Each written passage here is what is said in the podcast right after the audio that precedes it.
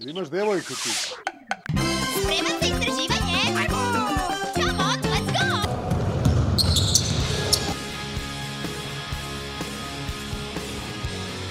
Just gonna go out, get my blood, sweat, and tears.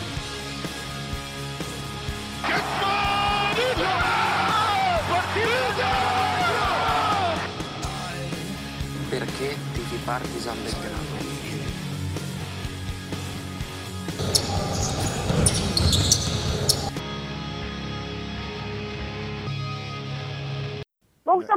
nešto da kažem o ABA ligi.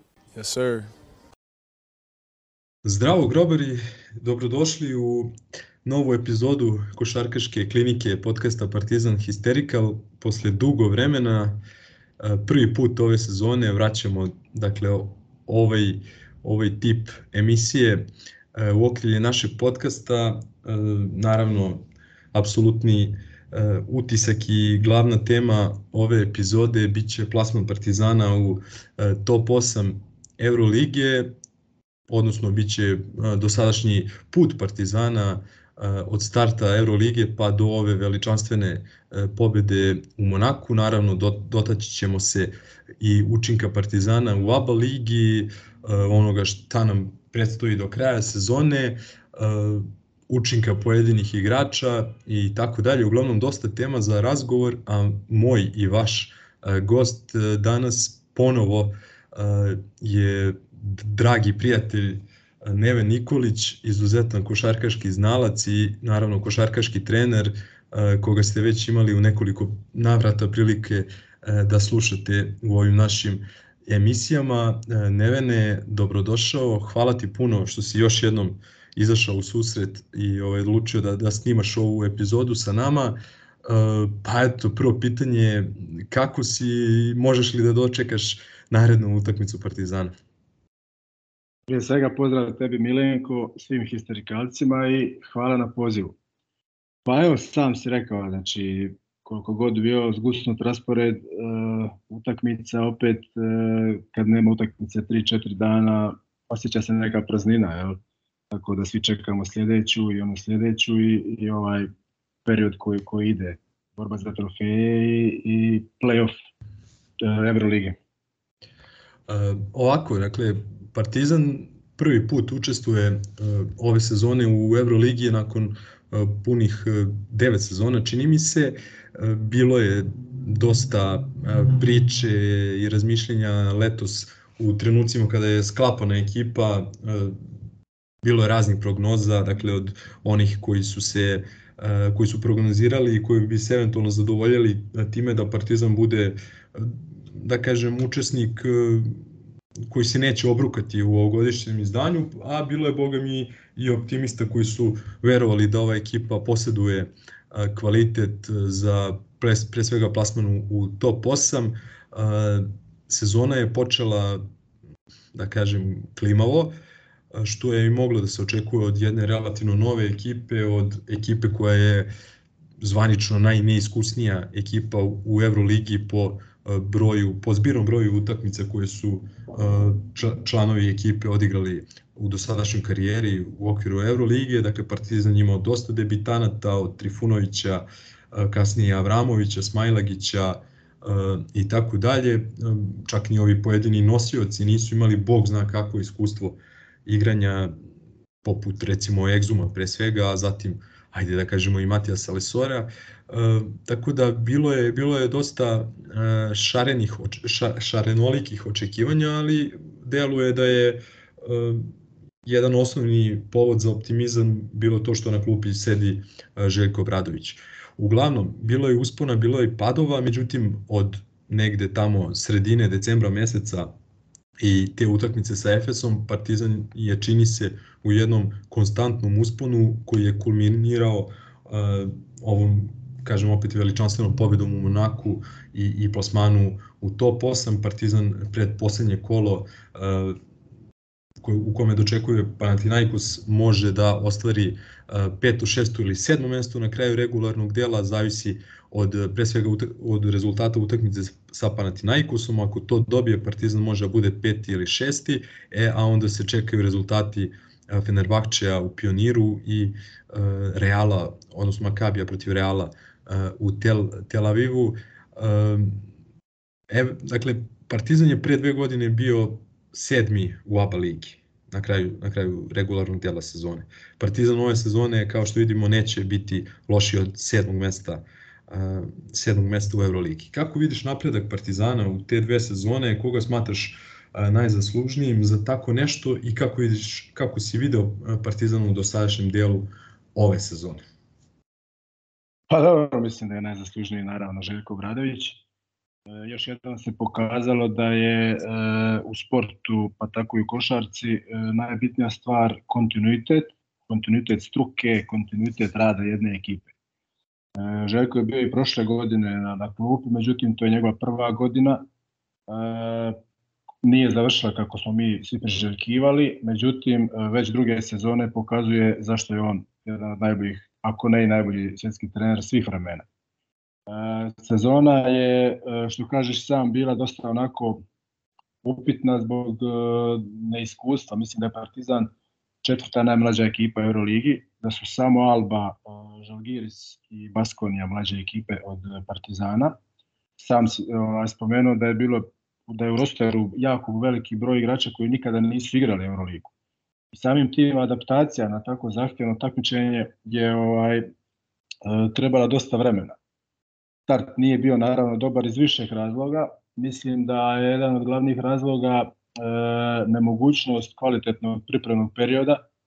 Znamo da je bilo velikih problema sa ozljedama i, i Smajlagić i Avramović i Balša Koprivica. E, na to se nadovezao i ovaj Eurobasket gdje su neki igrači bili sa reprezentacijama, e, nisu bili na pripremama, pa kad su se vratili s pripremama bili su dosta potrošeni sve je to utjecalo na start sezone, ali opet kaže i na tom startu sezone e, se možda desili nekakvi krizni momenti u smislu rezultata, se vidilo da e, Partizan e, ima ispred sebe ovaj period sigurno dobre igre. Jer Partizana niko nije razbio u, u tim utakmicama, uglavnom su porazi bili na jednu loptu, Sjetimo se utakmice sa Milanom i devet razlike u, u, zadnjoj četvrtini, pa e, poraz u Lionu na jednu loptu, pa plus šest protiv Zvezde u, u areni, trojka Nedovića u zadnjoj sekundu. A, poraz u Ljubljani isto bio na, na jednu loptu, tako da tu se vidio da Partizan ovaj, može konkurirati svima. Samo je trebalo proći jedan, jedan ovaj određeni period vremena da se sve to adaptira, da, da Željko to ovaj, ukomponira jednu cijelinu i evo sad imamo, imamo ovaj, plodove toga rada. Mislim da je ovo jedan ogroman podvig, fantastičan rezultat s obzirom da uh, Partizan ima jedan od najužih uh, rostera u, u Euroligi. E, nema ni budžet, ja mislim da nema ni budžet među, među 12-13 sigurno, tako da ovo je već ove sezone stvarno možemo reći da je fantastičan rezultat. Ajde reci mi iz trenerskog ugla, dakle, da se dotaknemo tog kriznog momenta koji je trajao nekih možda 20 dana i gde je na nesreću nas bilo dosta utakmica u tih 20 ili 30 dana i gotovo svi ti porazi, kao što si rekao, bili su na jednu loptu. Iz trenerskog ugla, koliko je, koliko je problem podići ekipu Uh, nakon takvih poraza. Dakle, naravno da je bio jedan, jedan razlog za optimizam to što je Partizan u pojedinim ili u dosta velikim delovima tih utakmica igra, igrao dobro, igrao izuzetno konkurentno. Ali opet kada se izgubi 5, 6, 7 utakmica na jednu loptu, uh, pretpostavlja da tu dolazi do jednog velikog onako psihološkog i pražnjenja i da počinješ da sumnjaš u sebe, kako to, kako to ovaj preokrenuti?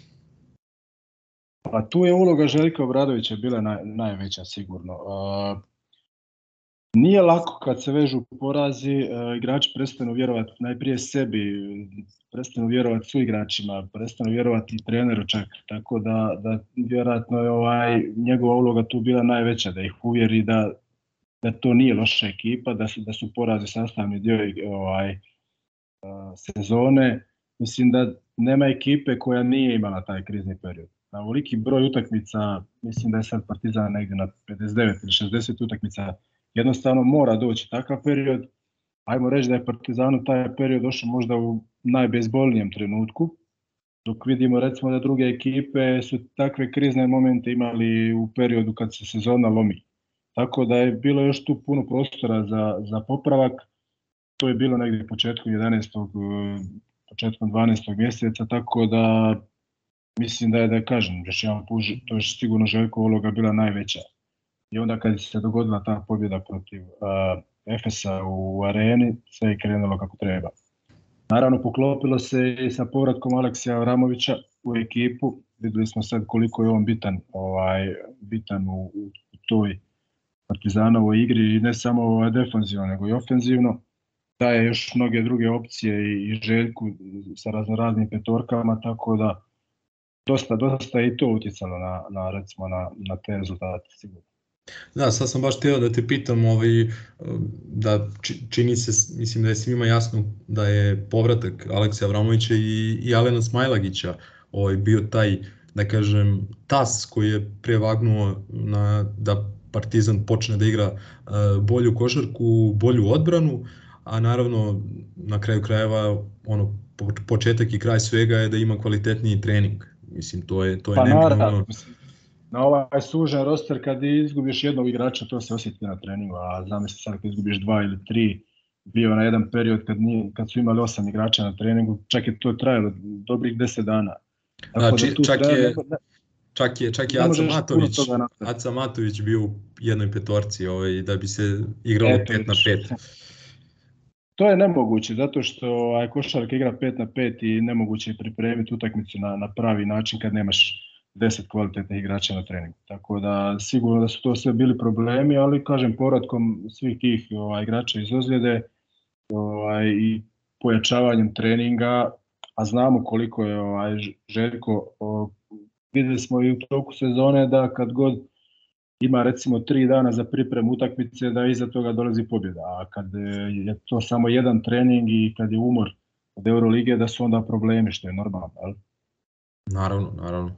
Ovi, ajde da pričamo malo o toj odbrani ovaj, koja je bila zaista veliki problem Partizana u prvom delu sezone. E, nisam siguran, proverit ću, mislim da je i sada Partizan najlošija odbrana Euroligije, međutim to je pre svega posledica tog zaista lošeg prvog dela kada, kada, ovaj, kada smo nakupili, da kažem, dosta negativnih poena što se uh, igre u toj uh, fazi tiče. Uh, kako, kako gledaš ti uh, na tadašnje probleme Partizana u fazi odbrane i kako i šta smatraš najznačajnijim za preokret jer preokret se desio Partizan u poslednjih da kažemo i 20 utakmica uh, u kojima ima skor 15-5 u Euroligi neretko prima ispod 80 poena u nekim utakmicama ga je čak odbrana i da kažem i po znacima navoda izvukla odnosno donela pobedu. Ovaj Da li, je taj, da li su ti problemi na početku sezone bili posledica možda neke neu, neuigranosti, slabije komunikacije, uh, možda i činjenice da nije bilo preterano kvalitetnih defanzivaca, odnosno specijalaca, kako vole da kažu, defanzivnih specijalaca u, u ekipi Partizana i naravno kratke rotacije koja, koja je bila u nekim utakmicama i po 7, 7 i po 8 igrača je samo korišćena. Pa evo, baš to vam se htio reći sada, ovaj, kad imaš 7-8 igrača u rotaciji, automatski nemoguće držati intenzitet obrane svih 40 minuta. Prije svega zbog energije, dolazi do energetskog pada, a i igrači se nakupe ovaj, e, prekršaja, tako da jednostavno trener tu mora ulaziti u, u ovaj, adaptacije, a to nikad nije dobro. Kad imaš 10 igrača u rotaciji 11, onda je to druga, druga stvar. Možeš žrtvovati nekog igrača recimo u odbrani, možeš ovaj, raditi pametne prekršaje, ne, ne moraš se štediti. Međutim, kad imaš 7-8 igrača, onda je to dosta pasivno i, i igračima je u glavi druga slika tada. Ako ja izađem van, nema ko igrati i tako dalje.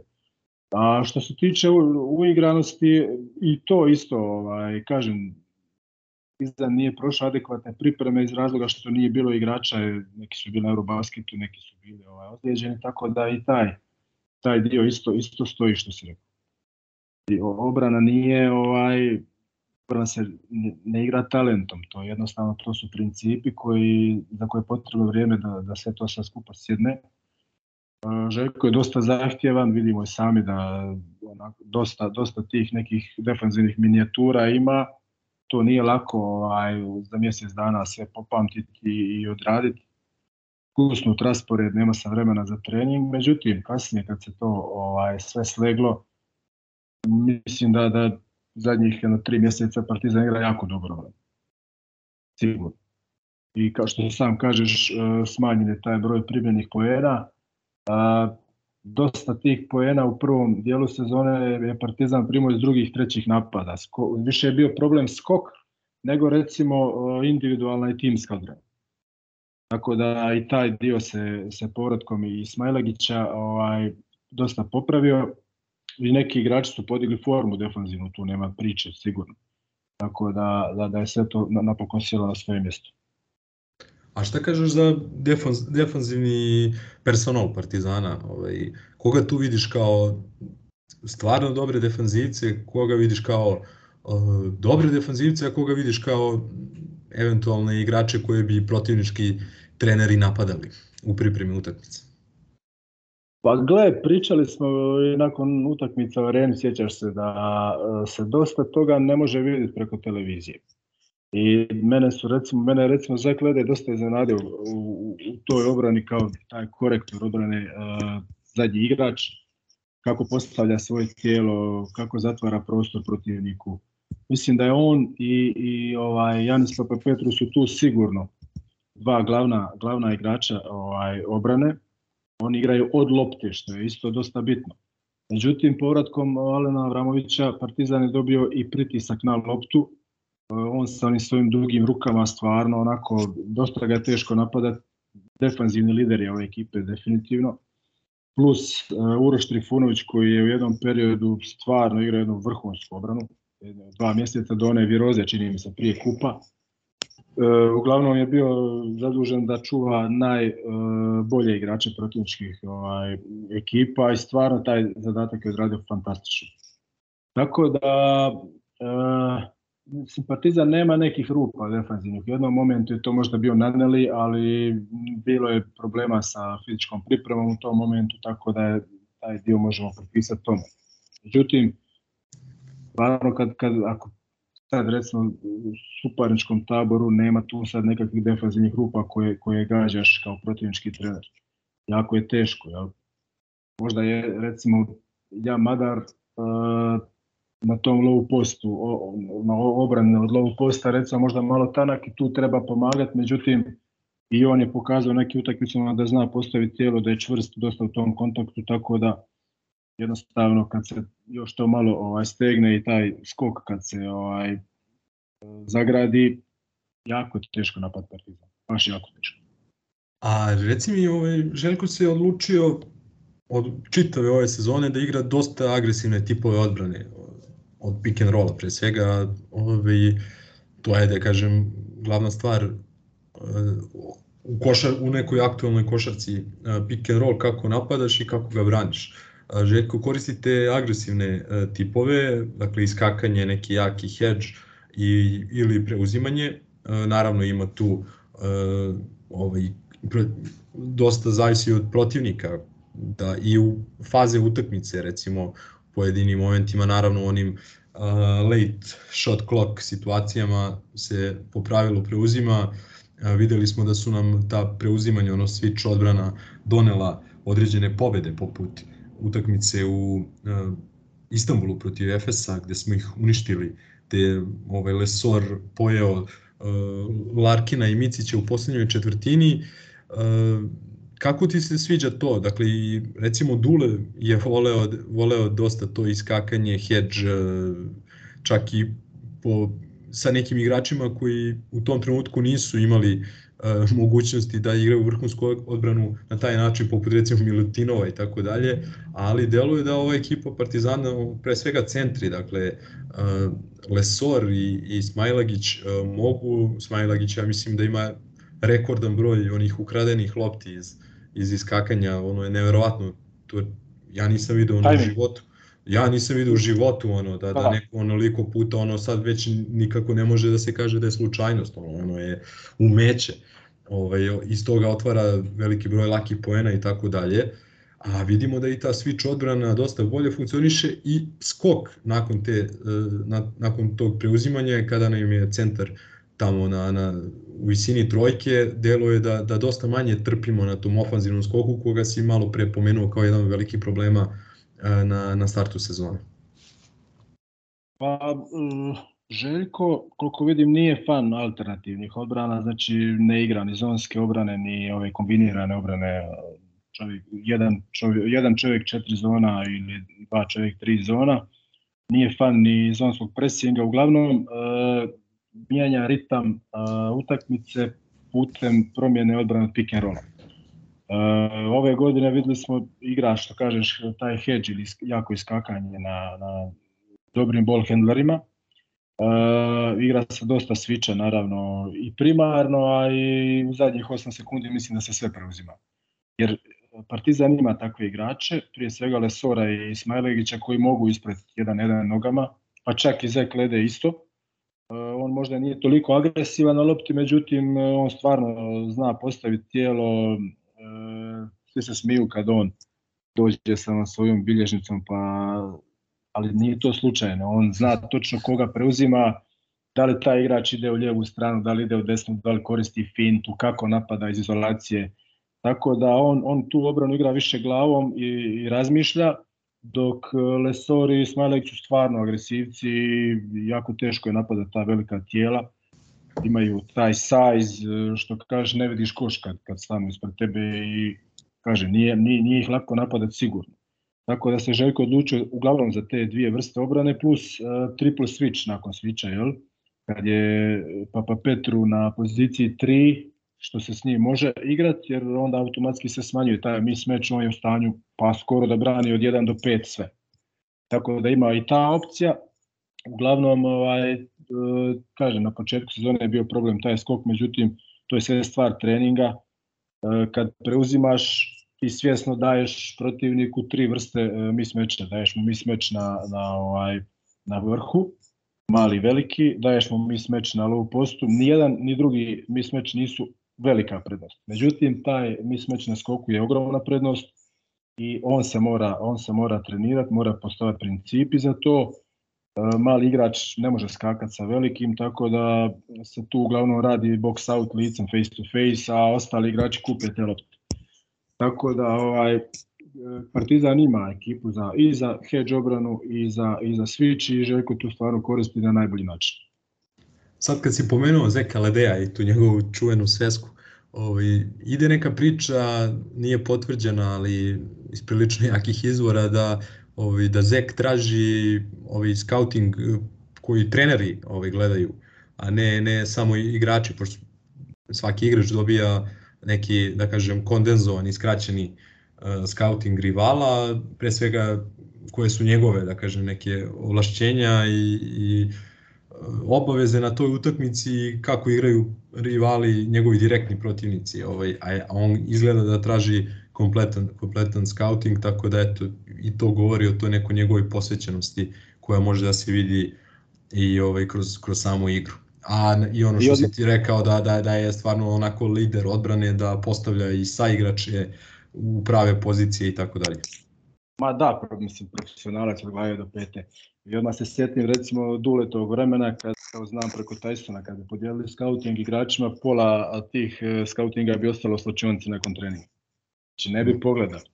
Tako da, da. Da, da, je, da je i to neka karakteristika igrača, mislim on je fokusiran maksimalno, pravi je profesionalac, jako dobro čita košarku, iako je bilo kritika dosta na njegov račun, mislim, stvarno, dečko je u drugom dijelu sezone možda i najvažniji igrač Partizana sigurno. Onako nasvela smo pričali da stvarno kad vidiš kako on, kako vodi tu obranu, ovaj, znamo da je gore agresija, da petici izlaze na vrh i, kod hedža i kod, kod switcha, on je jako bitan u, to, u tim rotacijama i, i zatvaranju reketa sa slabije strane i na skoku na kraju krajeva koristi to svoje jako tijelo i, i zatvara, zatvara defanzivni skok jako do, dobro gradi skok. Jel? Tako da, kažem, jedan od bitnijih sigurno u to odbrani su on i Janis Papa Petru. Uh, ok, mislim da smo odbranu sasvim fino uh, absolvirali. Ove, ajde da pređemo na drugi kraj parketa, na, na igru u napadu. Ako je odbrana bila upitna i, i možda i dalje upitna u pojedinim momentima, zato napad ni u jednom trenutku ove sezone nije dolazio ovaj, u pitanje. Od početka do kraja Partizan uh, je igrao ovaj, kroz taj napad uh, zaista je bilo uživanje gledati ekipu Partizana ove sezone kako daje gotovo svim protivnicima ovaj 90-100 poena kulminiralo je naravno ovim utakmicama protiv Olimpijakosa kome je dato čini mi se 90 poena i Real Madrida kome je dato 104 poena e, Real Madridu recimo u zbiru smo dali 201 poena dve utakmice ove sezone i mi smo, dakle, dve najlošije utakmice Reala odbrambeno su obe bile protiv Partizana. Dakle, Partizan im je dao uh, ovaj, najviše poena dva puta u sezoni i tek posle toga ide dali Baskonija sa 95, a vrlo redko je Real primao i preko, preko 90 poena. Uh, tako da napad je zaista ovaj, vukao dobar deo sezone, kasnije kada se priključila odbrana to je bila onako zaista postala je ova mašina koju, koju gledamo u posljednje vreme. Partizan je najbolji napad Euroligije e, i tako je već od nekog četvrtog, petog, šestog kola, nisam siguran, e, suvereno prvi sa ofanzivnim ratingom 121,6 poena na 100 posjeda lopte. Mislim da čak 123. 123 poena na 100 posjeda. Da, sad da, da. malo malo odstupaju ti podaci, ovaj po mom ovom izvoru 121,6 i ono što sam gledao je da recimo ako se bi se sada završila ovaj regularni deo sezone, to bi bio 11. najbolji napad u istoriji Evrolige po ofenzivnom rejtingu. Ovaj, a imamo šansu evo sad protiv Panathinaikosa, nadam se dobre utakmici, pa možda da se ušunjamo i u top 10 što se toga tiče, stvarno bi bio jedan podatak, podatak za pamćenje. Šta je još interesantno statistički kod E, Partizana. Partizan najmanje e, šutira, uz Monaku, najmanje šutira e, trojke ovaj, u Euroligi, ali je najprecizniji. Ima najbolji procenat 40%, šuta. Da. Jeste, 40%, što je fantastično. Druga stvar, najviše iznuđuje slobodnih bacanja ili, opet kažem, tu uz da li Monaku ili neku drugu ekipu, ali najbolje šutira ta slobodna bacanja, što smo videli da je bilo zlata vredno u, u dobrim, do, dobrim delu onih pobjeda na, na jednu loptu poput recimo e, pobede u Fenerba, protiv Fenerbače u Istanbulu gde nismo čini mi se promašili ni jedno slobodno bacanje pa onda protiv Efesa e, takođe. U Beogradu isto nismo promašili ni jedno bacanje. Evo videli smo sada a, slobodna bacanja u drugom polovremenu protiv Monaka takođe bez greške. I te tri pobede su zaista jedne onako zlata vredne pobede koje su opet kažem dobrim delom ostvarene kroz taj pouzdani šut sa slobodnih bacanja koji je ako je verovati onim starijim trenerima najbolji šut u košarci jednostavno najprecizniji najveća šansa je da ga da ga pogodiš i ovaj stvarno ako je u nečemu ekipa Partizana dobra ove sezone, to je onda u tom odlasku na linije za slobodnih bacanja, odnosno teranju protivnika da te faulira. Partizan ima kvaliteta što se tiče rostera napadački, dakle, apsolutni lider tu je svakako Kevin Panter, međutim, Dante Exum koji igra u sezonu neverovatno, tu je James Naneli koji ovu drugu polovinu takođe igra neverovatno, doneo nam je sve ono što smo od njega očekivali. Lesor, Ledej koji je kome onako brojke idu gore dole, si jednu utakmicu 22 poena, drugu 6, četvrtu 4, pa onda opet 28, 2, pa vamo, pa tamo, ali definitivno je pretnja za protivnika i ovaj i sve to izgleda lepo. I ono što je najbitnije uvek je neko raspoložen a Željko zna da nanjuši e, potencijalno odličnu igru određenog igrača kao recimo sada Alekse u Monaku pa da mu da zaista dosta prostora. Tako da Partizan ove sezone izuzetno ima e, poene u rukama i mogu ono mogu reći da smo da je dosta ljudi to i očekivalo u oči sezone, ali možda nije očekivalo u ovom uh, da kažem na ovom nivou da Partizan zaista ima najbolji napad uh, ove ove sezone uprkos tome što je igra da kažem na nešto kontrolisaniji nivo na manje poseda lopte dakle nije to onaj run and gun kakav recimo igra Baskonija koja zaista ono teško ih je pohvatati očima kamoli ovaj na terenu Partizan igra dosta kontrolisano, ali efikasno. Tako da, kako ti vidiš na, na igru Partizana u napadu i na ovaj podatak da imamo najbolju, najbolji napad u Euroligi. Pa evo, dosta, mislim da ova napredna statistika otkriva jako puno toga. Od 40% šuta za 3 poena, 83% šuta sa penala. Moram dodati da je Partizan prvi i po broju poena iz off-screen igre, i to uvjerljivo prvi. Znači, govorimo o blokadama od lopte.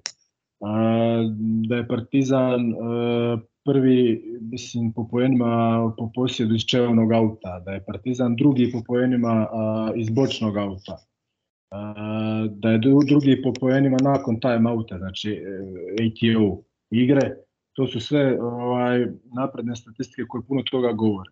E sad, jedan, odnosno glavni razlog zašto, ovaj, zašto je Partizan toliko dominantan u napadu leži u savršenom spacingu, dakle rasporedu igrača ovaj, na terenu i fantastičnom protoku loptu. Jer nije isto kada igrač uzme šut e, preko ruke, pod pritiskom vremena, pod pritiskom odbrane i kad uzima otvoren šut kad je sekundu i pol dvije sam.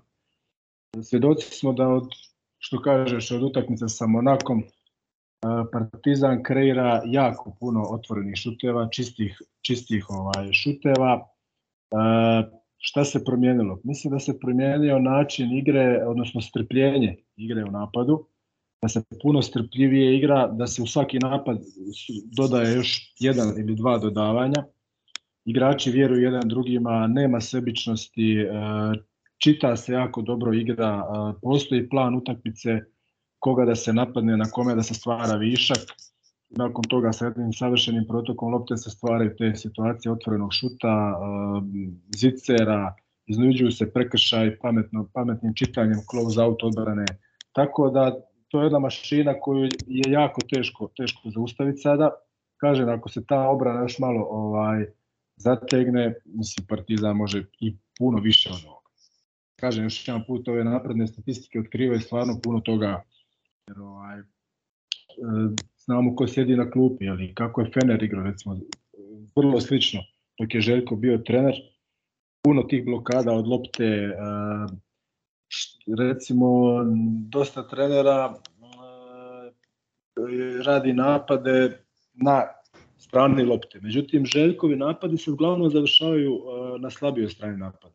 Znači, uvijek je aktivna ta slabija strana napada, nikad nije statična, da li su to katovi, da li su to flare blokade, blokade od lopte, uvijek se nešto događa tako da uvijek igračima ovaj, na strani lopte je puno lakše ovaj, napraviti prednost koja se kasnije do kraja napada održi savršenim protokom lopte i spacing.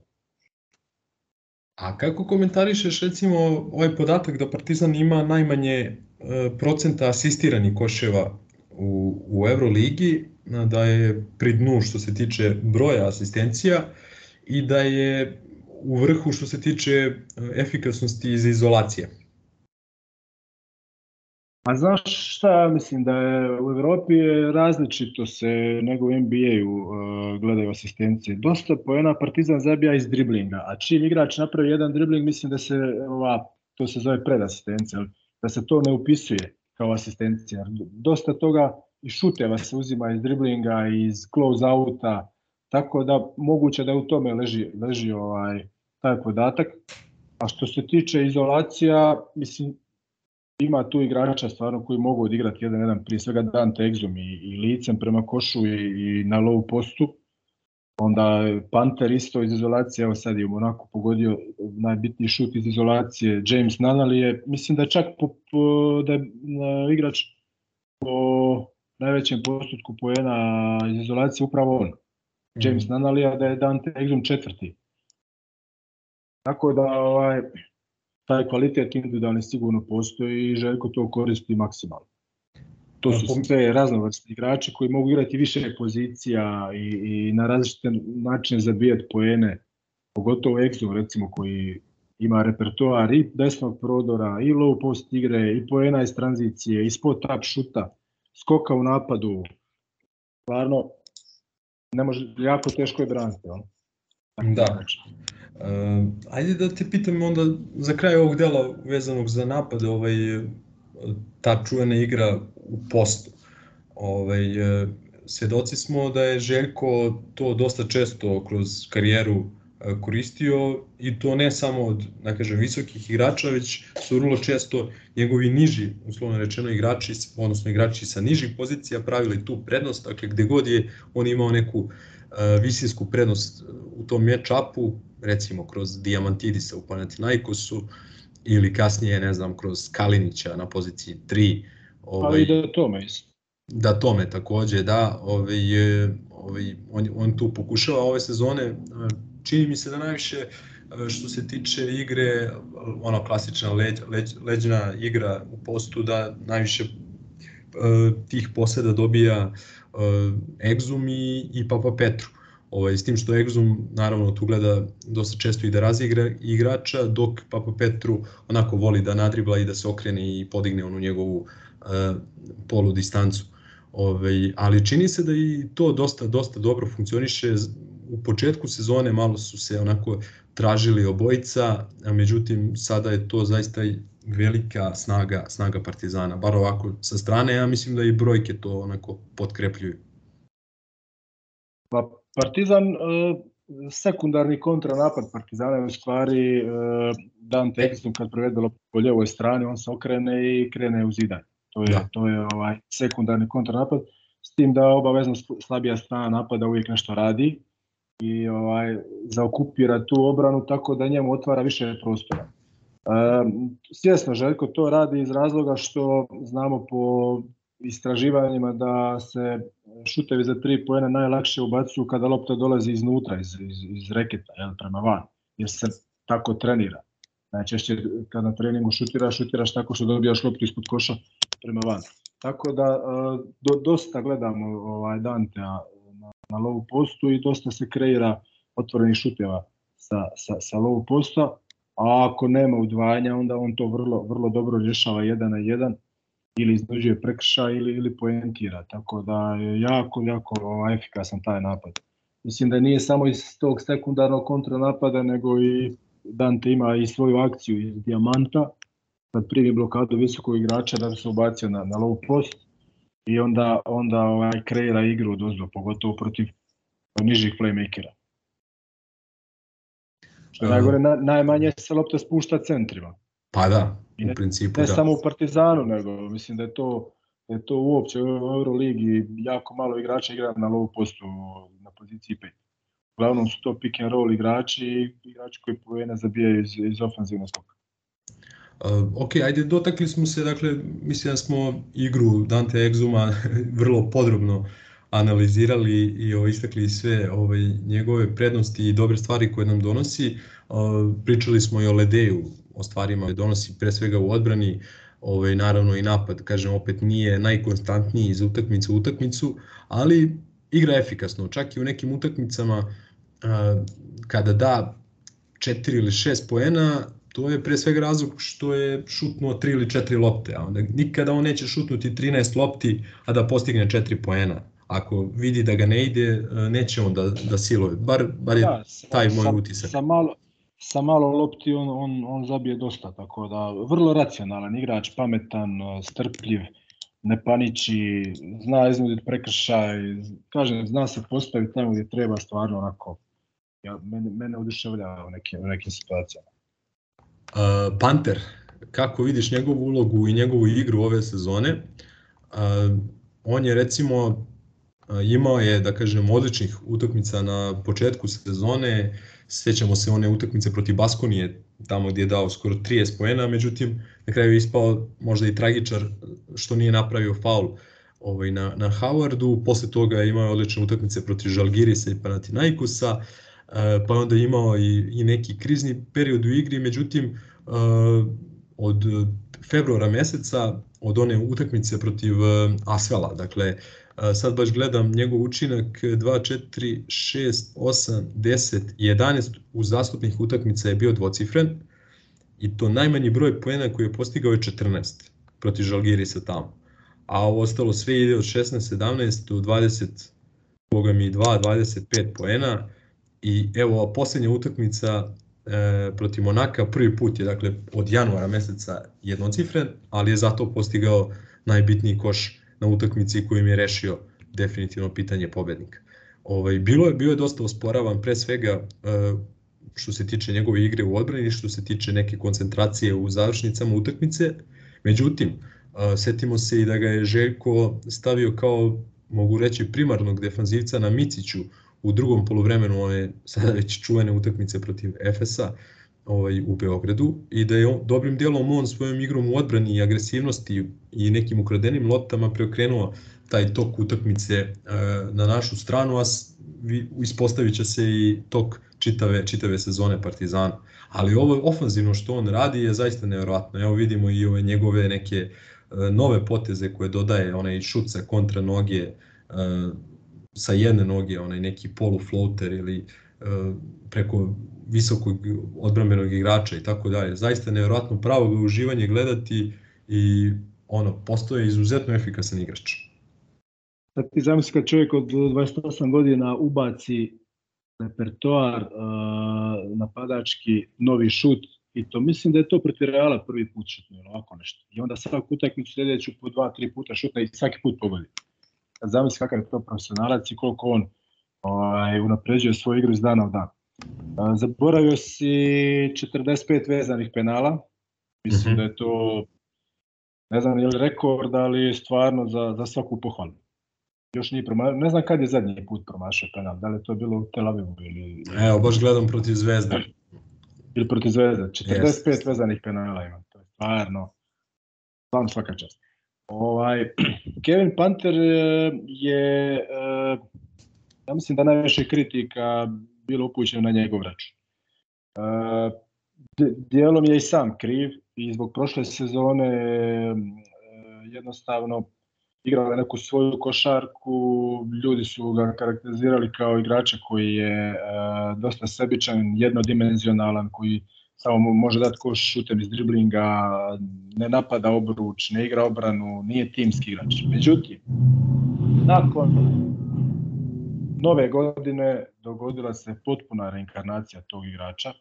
Shvatio je svoju ulogu, jer tu je Željko odradio najveći posao, da ga uvjeri e, šta je u stvari košarka i koliko je on bitan na ovoj ekipi. E, Kevin Panter je postao puno racionalniji igrač, puno zreliji, puno pametniji, e, igra za tim na obe strane terena, što kažeš i u obrani i u napadu.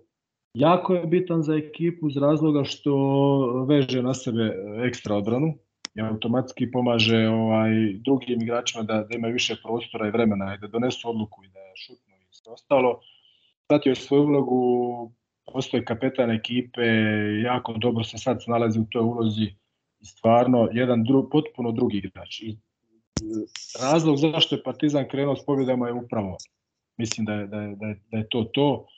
On je ovaj, neko ko je prijetnja košu, znači svi treneri kad pripremaju utakmicu gledaju kako njega da zaustave. Automatski to svi drugi dobro koriste i kažem, on je taj inicijator, inicijator dobrog napada, napada Partizana, što se vidi po minutama kad on nije na parketu. Da je automatski jedna ideja manje, jedna prijetnja košu manje, bez obzira dao on koš ili, ili dao dva po jedan utakmici ili pet, obrana mora biti fokusirana na njega.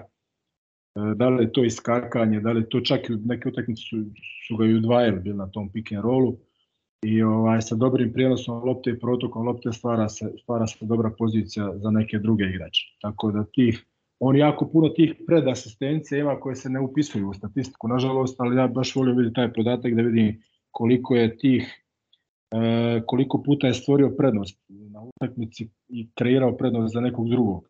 Jer se taj prednost stvara sa protokom lopte pa neko treći tamo zabije, ali uglavnom on je taj od kojeg sve kreće ovaj, kod se kreće u Partizanu.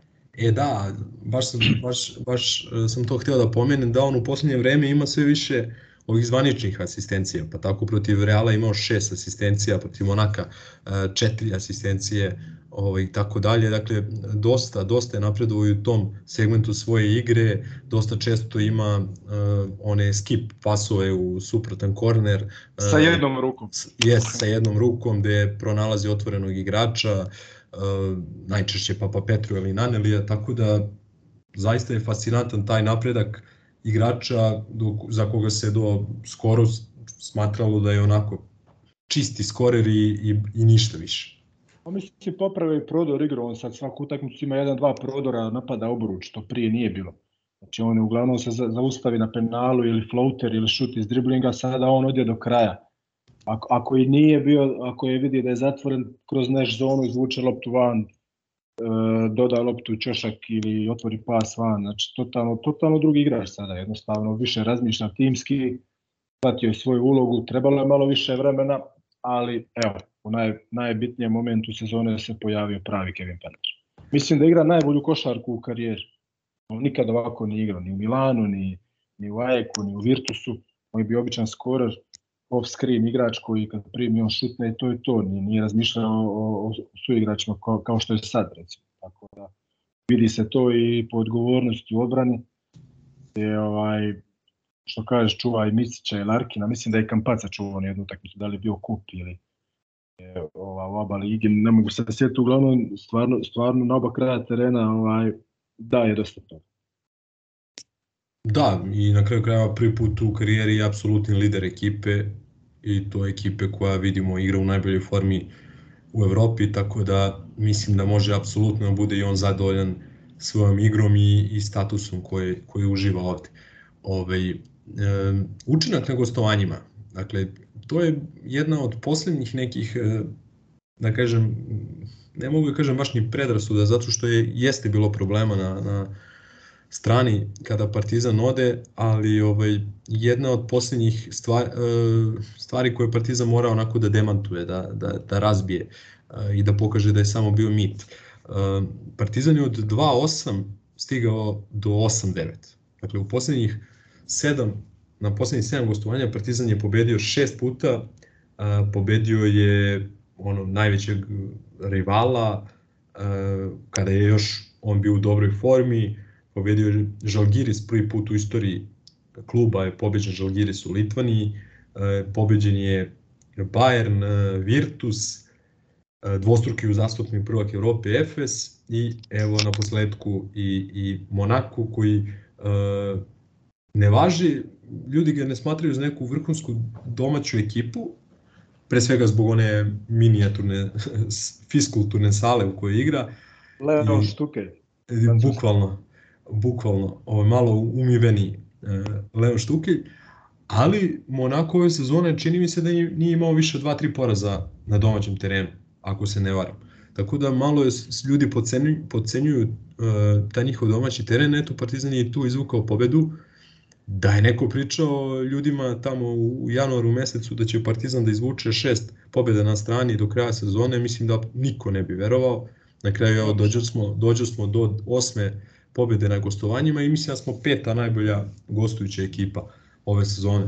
Čak na kraju ćemo izgleda biti bolji u gostima nego na strani. Ovaj, ne po broju pobjeda, nego po, po da kažem, poziciji na tabeli što se tiče tih utakmica. Tako da, zaista, složit ćeš se jako veliko iznenađenje. Dobro, prvo da ti ispravim, mislim da je utakmica u Minhenu i u Bolonji bio si, pa znaš da to nije, da to nije bio gostujući teren, ali, pravi si, ali, pravi si. ali su bili gostujući koševi, ajmo reći, ajde, parket. Ne, ovo je stvarno fantastičan rezultat kad pogledaš, opet kažem Željko Bradović, psihološka priprema utakmice, a, prebacivanje pritiska na, na, na domaćina, što stvarno je. Ja ne znam koji utakmic Partizan je, ajde možda u Minhenu, je Partizan možda bio favorit. Ostalo su sve favoriti bili domaćini i jednostavno ta psihološka priprema je bila presudna. Koncentracija, želja, znamo kad igraš u gostima da je potrebna posebna vrsta hrabrosti, nego kad igraš pred svojim navijačima, pogotovo u, u areni pred 20.000 ljudi. E, Gostima ipak, ipak ovaj, da bi pobjedio moraš, moraš biti puno ovaj, jači u obrani, ostvariti jači kontakt e, i zbog suđenja i pritiska. Tako da, uglavnom, Željko je pokazao stvarno da je majstor upravo na tim utakmicama i protiv Fenera u Istanbulu i, i, i Efesa u, u Istanbulu, utakmica u Žalgiru areni pred 15.000 ljudi, stvarno onako 20 razlike. Tako da tu, to su majstori košarke i tu nema, tu nema, nema se šta ovaj reći, jednostavno ekipa je na svaku tu tajnicu došla spremna, fokusirana uh, i fizički i mentalno, energetski, znali su šta rade, iskoristili su taj, taj ajmo reći, rasterećenost, ovaj, odnosno pritisak domaćina i zato i je to tako. E, dotakao si se te atmosfere i zaista se slažem u potpunosti. Neverovatno je ono što je Partizan imao ove sezone, po par hiljada ljudi u Minhenu, Berlinu, e, Bolonji i Milanu, po par stotina u Madridu i Barceloni i tako dalje zaista ni jedan drugi klub u čitave Euroligi nije imao podršku kako je imao Partizan na strani, a boga mi ni kući. Dakle, Partizan je oborio sve rekorde Euroligije po gledanosti, ako se protekne po planu i bude puna arena protiv Panathinaikosa, preko 300.000 ljudi će gledati crno-bele u najjačoj ligi u Evropi, a oko 100.000 ljudi je gledalo u ABA ligi, Partizan sada drži 10 prvih mesta po, po najvećoj poseti na jednoj utakmici u istoriji Evrolige. To su sve podaci kojima izuzetno možemo da se da se uh, dičimo, a najbitnije od svega što je atmosfera sve bolje i bolja. Ovaj, I evo ti si od boga mi od nove godine na ovamo bio na 4 5 6 utakmice, al tako? Da. U areni. Da. Kako ti se čini? sve to i ovaj, koja ti je možda utakmica ostala na najboljem sećanju što se atmosfere tiče? Pa meni možda Olimpijakos. Možda Olimpijakos je bila. Ili i Monako isto. Monako isto, da. Da. da. Meni, Ovo, meni, to, ne. meni su četiri od starta Reći. sezone uh, Makabi, Monako, Olimpijakos i Real. I ne mogu da se odlučim na koja je bila bolja atmosfera. A i sve su bile Slažem. dobre utakmice i Partizan igrao odlično. Ovaj, možda je najveća neizvesnost bila taj Makabi zaista do zadnjeg minuta je bilo neizvesno, ovo sve ostalo smo prelomili malo ranije, pa je bila onako malo i fešta, ali zaista za pamćenje.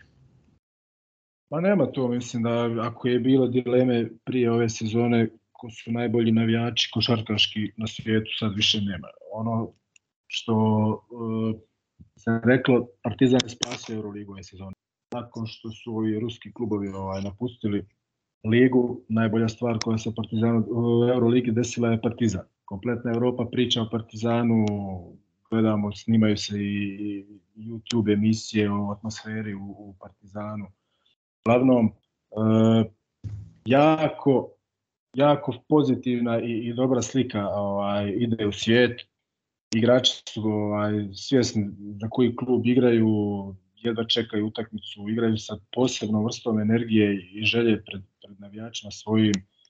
Neverovatno, nešto traži se karta više, to je, da, da je neko to, recimo, rekao pre dvije godine, u onoj sezoni što si sam rekao u oba ligi, kad je Partizan bio sedmi i u KLS-u kad se ispao od Mege, rekli da mu da nije normalno. I sve je to ovaj, došlo sa, sa Željkom Obradovićem, jel? kompletna ta energija, ljubav prema klubu, povezanost navijača sa, sa paketom. Jednostavno nije, protivniku nije lako igrati, ovaj, nije lako izaći na, na zagrijavanja, ne samo odigrati utakmicu, pogotovo kad se lomi. Tako da jedna velika, velika ovaj, stvar je, je tih 20.000 ljudi svaku utakmicu i, i ovaj sad u play-offu, mislim da bilo koja ekipa od ove četiri kada gleda s kim će se naći četiri finalu da svi gledaju da izbjegnu Partizan. Sigurno. Ne samo zbog Željka Bradovića i trenutne forme Partizana, nego i zbog navijača. To je 100%. Još jedna, stvar, da... još jedna stvar je bitna tu kad pričamo o atmosferi i što kažeš da nije lako protivničnim igračima, ali ja zaista mislim da bi ova atmosfera Partizana, ne pričam samo o e, publici i o 20.000 ljudi, mada dobrom delu odatle kreće sve, ali atmosfera koja postoji u samoj ekipi i, i u, na toj relaciji igrači navijači, vidi se da bukvalno svaki igrač Partizana uživa u ovoj sezoni, uživa u svemu što se dešava, čak i ovi neki, da kažem, koji su na glasu kao po znacima navoda problematični ili hladni ili e, profesionalci poput Nanelija, vidimo i njih sve češće u nekim izdanjima na kojima nismo, u kojima nismo navikli da ih gledamo, o Panteru i Lesoru da ne pričam, tako da mislim da i to daje e, da stvara jedan izuzetno lep utisak sa strane i da će gomila igrača sad na leto ovih američkih stranih igrača e, koji budu slobodni da da će im to biti jedna stavka onako plus kada, kada bi recimo razmišljali i vagali između Partizana i, i nekih drugih timova. Ovaj, e, zaista djeluje da je tako. Pa ja mislim da ova atmosfera nikog živog ne može ovaj, ostaviti ravnodušno. Da je to jednostavno nemoguće. E, kompletan recimo highlight sezone je ono zakucavanje Nanelija protiv Reala i ono slavlje igrača. Mislim, to kad vidiš tu atmosferu među njima, povezanost, a, to je to. Mislim da je to to. A, od toga više ne možeš tražiti.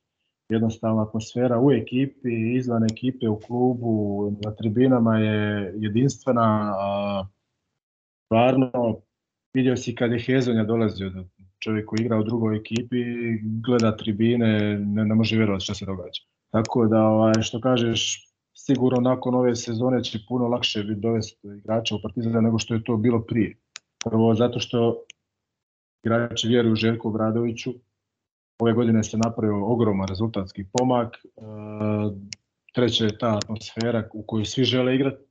Nije isto igrati, mislim, u Monaku pred koliko, 2000 ljudi u areni pred, pred 20.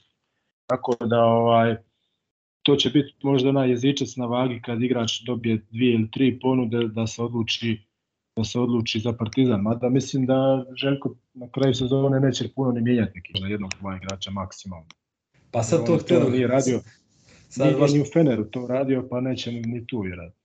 Sad, baš htio da kažem da možda Partizan ne postane, da kažem, žrtva sobstvenog uspeha je jednostavno mislim da će redom najveći odnosno najbogatija, da kažem, klubovi u Evropi stati, uh, stati u red za, za dovođenje Pantera, Exuma, Lesora, Ledea i tako dalje. I mislim da će biti uh, dosta teško zadržati sve igrače iz ove ekipe i čak većinu.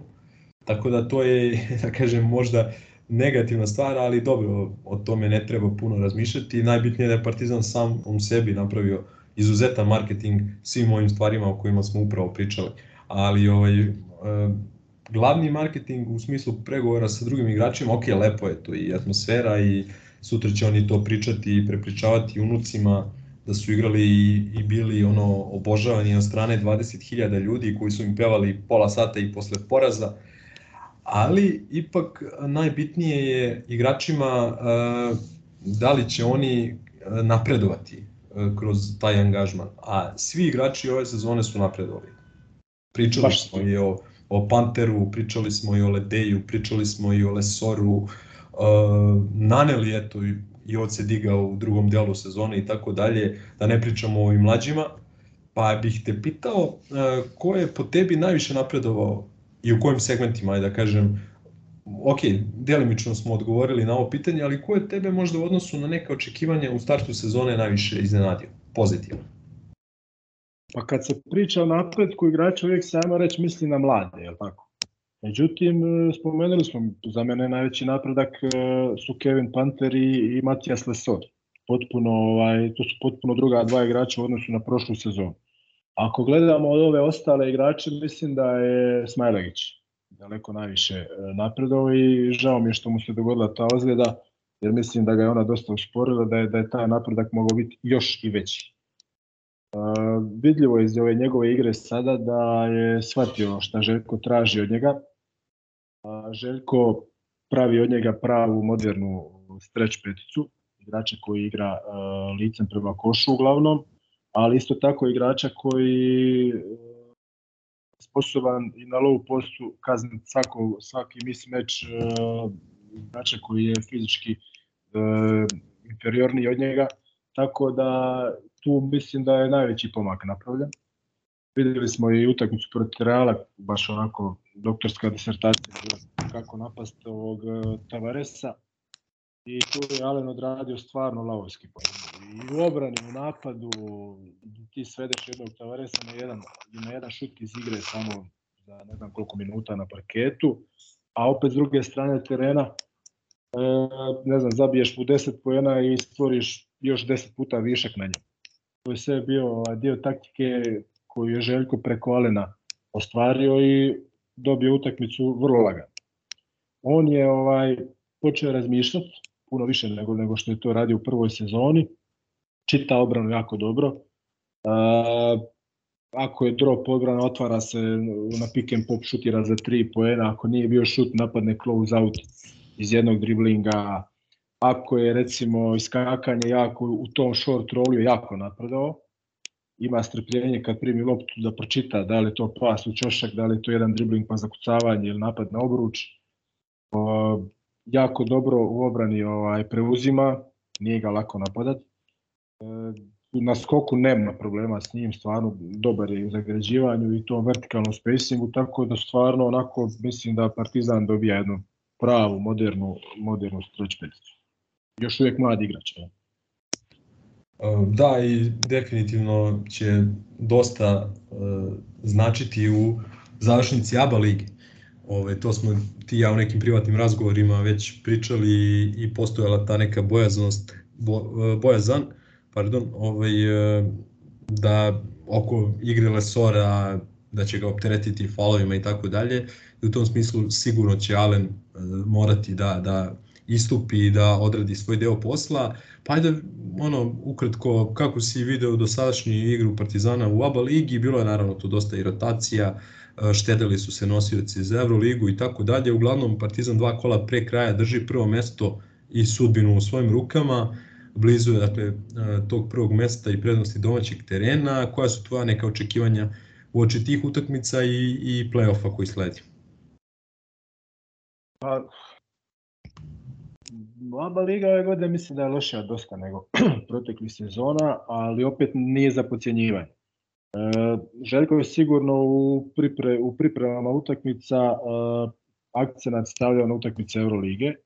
Međutim, e, po rezultatu ABA ligi vidimo da sa samo dva poraza u završnoj fazi, jednostavno Partizan je i tu bio dominantan.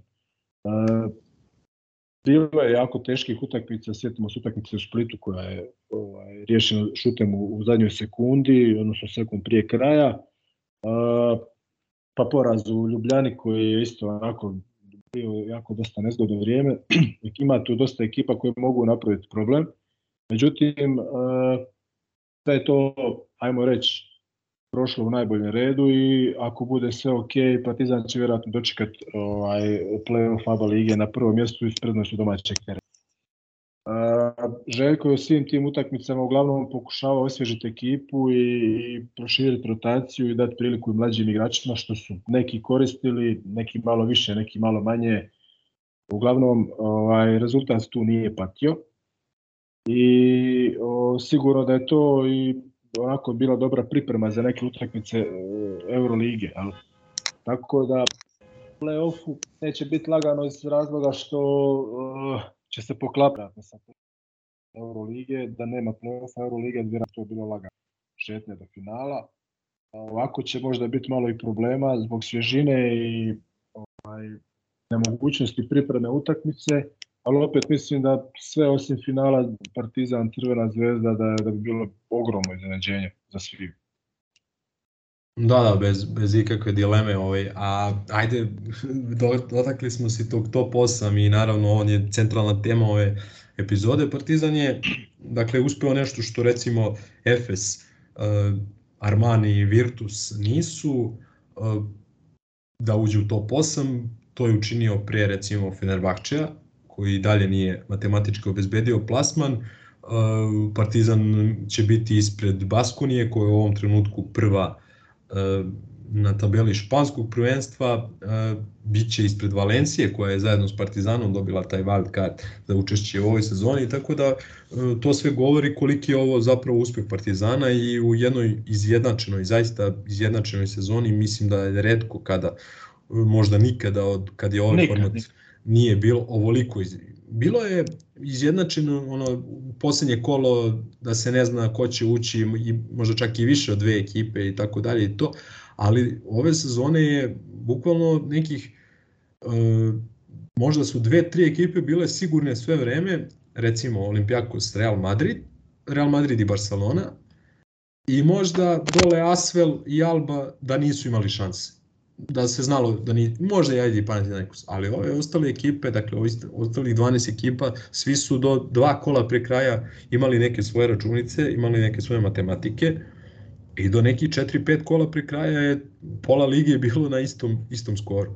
Tako da je ovo veliki, veliki uspeh Partizana i opet ono što smo pričali, ta loša serija kriza Partizana možda je neka naknadna pamet nam kaže da je došla u, u dobro vreme ovaj, a da nije došla kasnije kako je došla recimo Virtusu, uh, Zvezdi i, i drugima.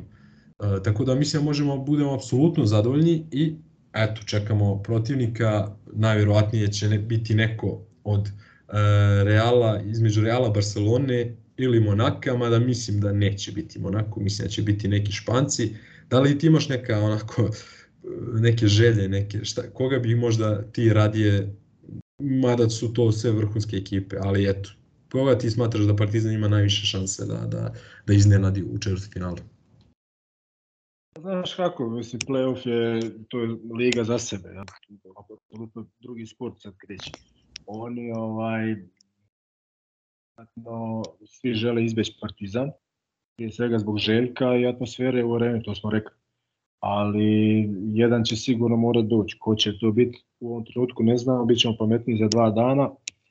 A, možda taj Monako, pošto je skor s njim 2-0, možda oni bi bili najidealniji, međutim nisu ni oni loša ekipa. A, svaki taj trener koji, koji ima prednost domaćeg terena sigurno zadnjih mjesec dana je spremao ekipu na drugačiji način, nisu pokazivali baš sve taktičke ovaj, minijature i sigurno će doći do srednja rotacija. U toj ovaj, playoff seriji e, podjela uloga će isto biti drugačija, tako da dosta, tu, dosta će tu ovaj, ovisiti ovaj, o trenerima. Jel? A, ne bi bilo loše čak ni Olimpijakos, ali mislim da su najmanje šanse da, da dođe Olimpijakos. Oni bi trebali izgubiti ovu utakmicu protiv Baskonije kući, što mislim da neće ali daleko najteži protivnik po meni je Barcelona. Sigurno. Oni najmanje odgovaraju Partizanu po, po ovaj načinu igre iz razloga, ne zato što su oni pobjedili Beograd, oni su Beograd pobjedili zato što Partizan imao tešku utakmicu dva dana ranije i samo jedan dan ovaj, za pripremu tog meča. Mislim da e, je to jedina ekipa koja ima baš strašan defanzivni kontakt, e, koja igra jedan na jedan odbranu jako dobro jako puno toga svičaju što Partizanu baš i ne odgovara. Jel? Tako da ako bude Barcelona to će baš biti ovaj, teška priča jer mislim da baš da ih se pobjedi tri puta u 10 ili 15 dana m, jako teško. E, više odgovara po meni Real iz razloga što onako oni su dosta mekaniji u toj obrani igraju dosta lepršavo, opet imaš tu i neke mete koje možeš napadati u, u ovaj i na piku i u izolacijama, tako da nije slučajno Partizan dao koliko si rekao, 200 i... 201 poen. 201 poen, to nije slučajno sigurno. Tako da, ovaj, po meni, ne volim nikad govoriti o trenerima, ali mislim da opet e, i najtanji su na toj klupi od svih ovih protivnika koji, koji ovaj, su osigurali prednost domaćeg terena i tu možda čak bi se možda i moglo ovaj, napraviti zanađenje, ali opet imaju širok roster, imaju 16 igrača u rotaciji, oni kad imaju tri igrača ozlijeđena, njima se to ne osjeti, ne, ne vidi se na papiru. Tako da ovaj, sigurno Barcelona je najteži, najteži e, protivnik, mo, možda bi Monako bio najlakši, ali opet to je serija koja dugo traje i da će ovisiti o dnevnoj formi i u nekakvom ovaj, ritmu u kojem se dođe na, na, na te utakmice. Kažem, ima tu Partizan još jaba ligu koja ga dota, dodatno troši, tako da vidjet ćemo. Petak ćemo biti puno, puno pametniji i znaćemo uh, gdje se ide, šta se radi. Da, sad baš kad si pomenuo to poziciju trenera, interesantno je da od prve četiri ekipe, e, trojici trenera se onako prilično drma klupa i evo, već su krenule priče o potencijalnim naslednicima njihovim na klupama i Mateu u Realu i Ša- Šarasu u Barceloni, a boga mi Obradović nije siguran u Monaku. Ovaj, tako da eto vidiš, nije nekada ni, ni fenomenalan uspeh poput toga da budeš u prve četiri. Pa u mislim da Euroligi. Šarasu ovisi, Šarasu ovisi da li će uzeti titul, neće uzeti titul. Ako, Da. ja mislim da je, da je to to, da je to kraj. Da. Spasiti jedino naslov prvaka, sad vidjet ćemo. E, Da li ima nešto ono što smo preskočili možda što bi, što bi voleo da, da dodaš, da kažeš ono da te nisam pitao? Pa nema, mislim da smo se dotakli svega. Ne znam. Jesmo, boga mi, dosta detaljno smo obradili svaku temu ovaj, koja je bila od interesa. pričati. Pa jes, hvala Bogu, hvala Bogu što je tako. Ovaj, I nadam se, nadam se da ovo neće biti poslednji, ovaj, poslednji podcast koji ćemo snimiti do kraja ove sezone. Mislim, E, Sljedeći snimamo u Kaunasu, može. Može sledeći u Kaunasu, a bit će i do Kaunasa još nešto, imamo par nekih ideja, ovaj, imam i par nekih dogovora, tako da e, slušalci će imati prilike da čuju i najavu četvrtfinalne a, serije, kada budemo znali naravno protiv koga igramo i tako dalje. U svakom slučaju ovo je bila još jedna peta, čini mi se peta epizoda e, košarkaške klinike podcasta Partizan Hysterical. Ja sam uživao u ovom razgovoru, kao i uvek osjećam se dosta pametnije što se tiče košarke nakon razgovora sa Nevenom, a verujem da će isti, isti utisak imati i ovaj ostatak, ostatak naših, naših slušalaca. Nevene, hvala ti puno još jednom i šta ti kažem, vidimo se u petak u areni. Vidimo se u petak, a onda i u Kaunasu. E. Hvala na pozivu. Ništa, hvala ljudi i prijatno. Ćao.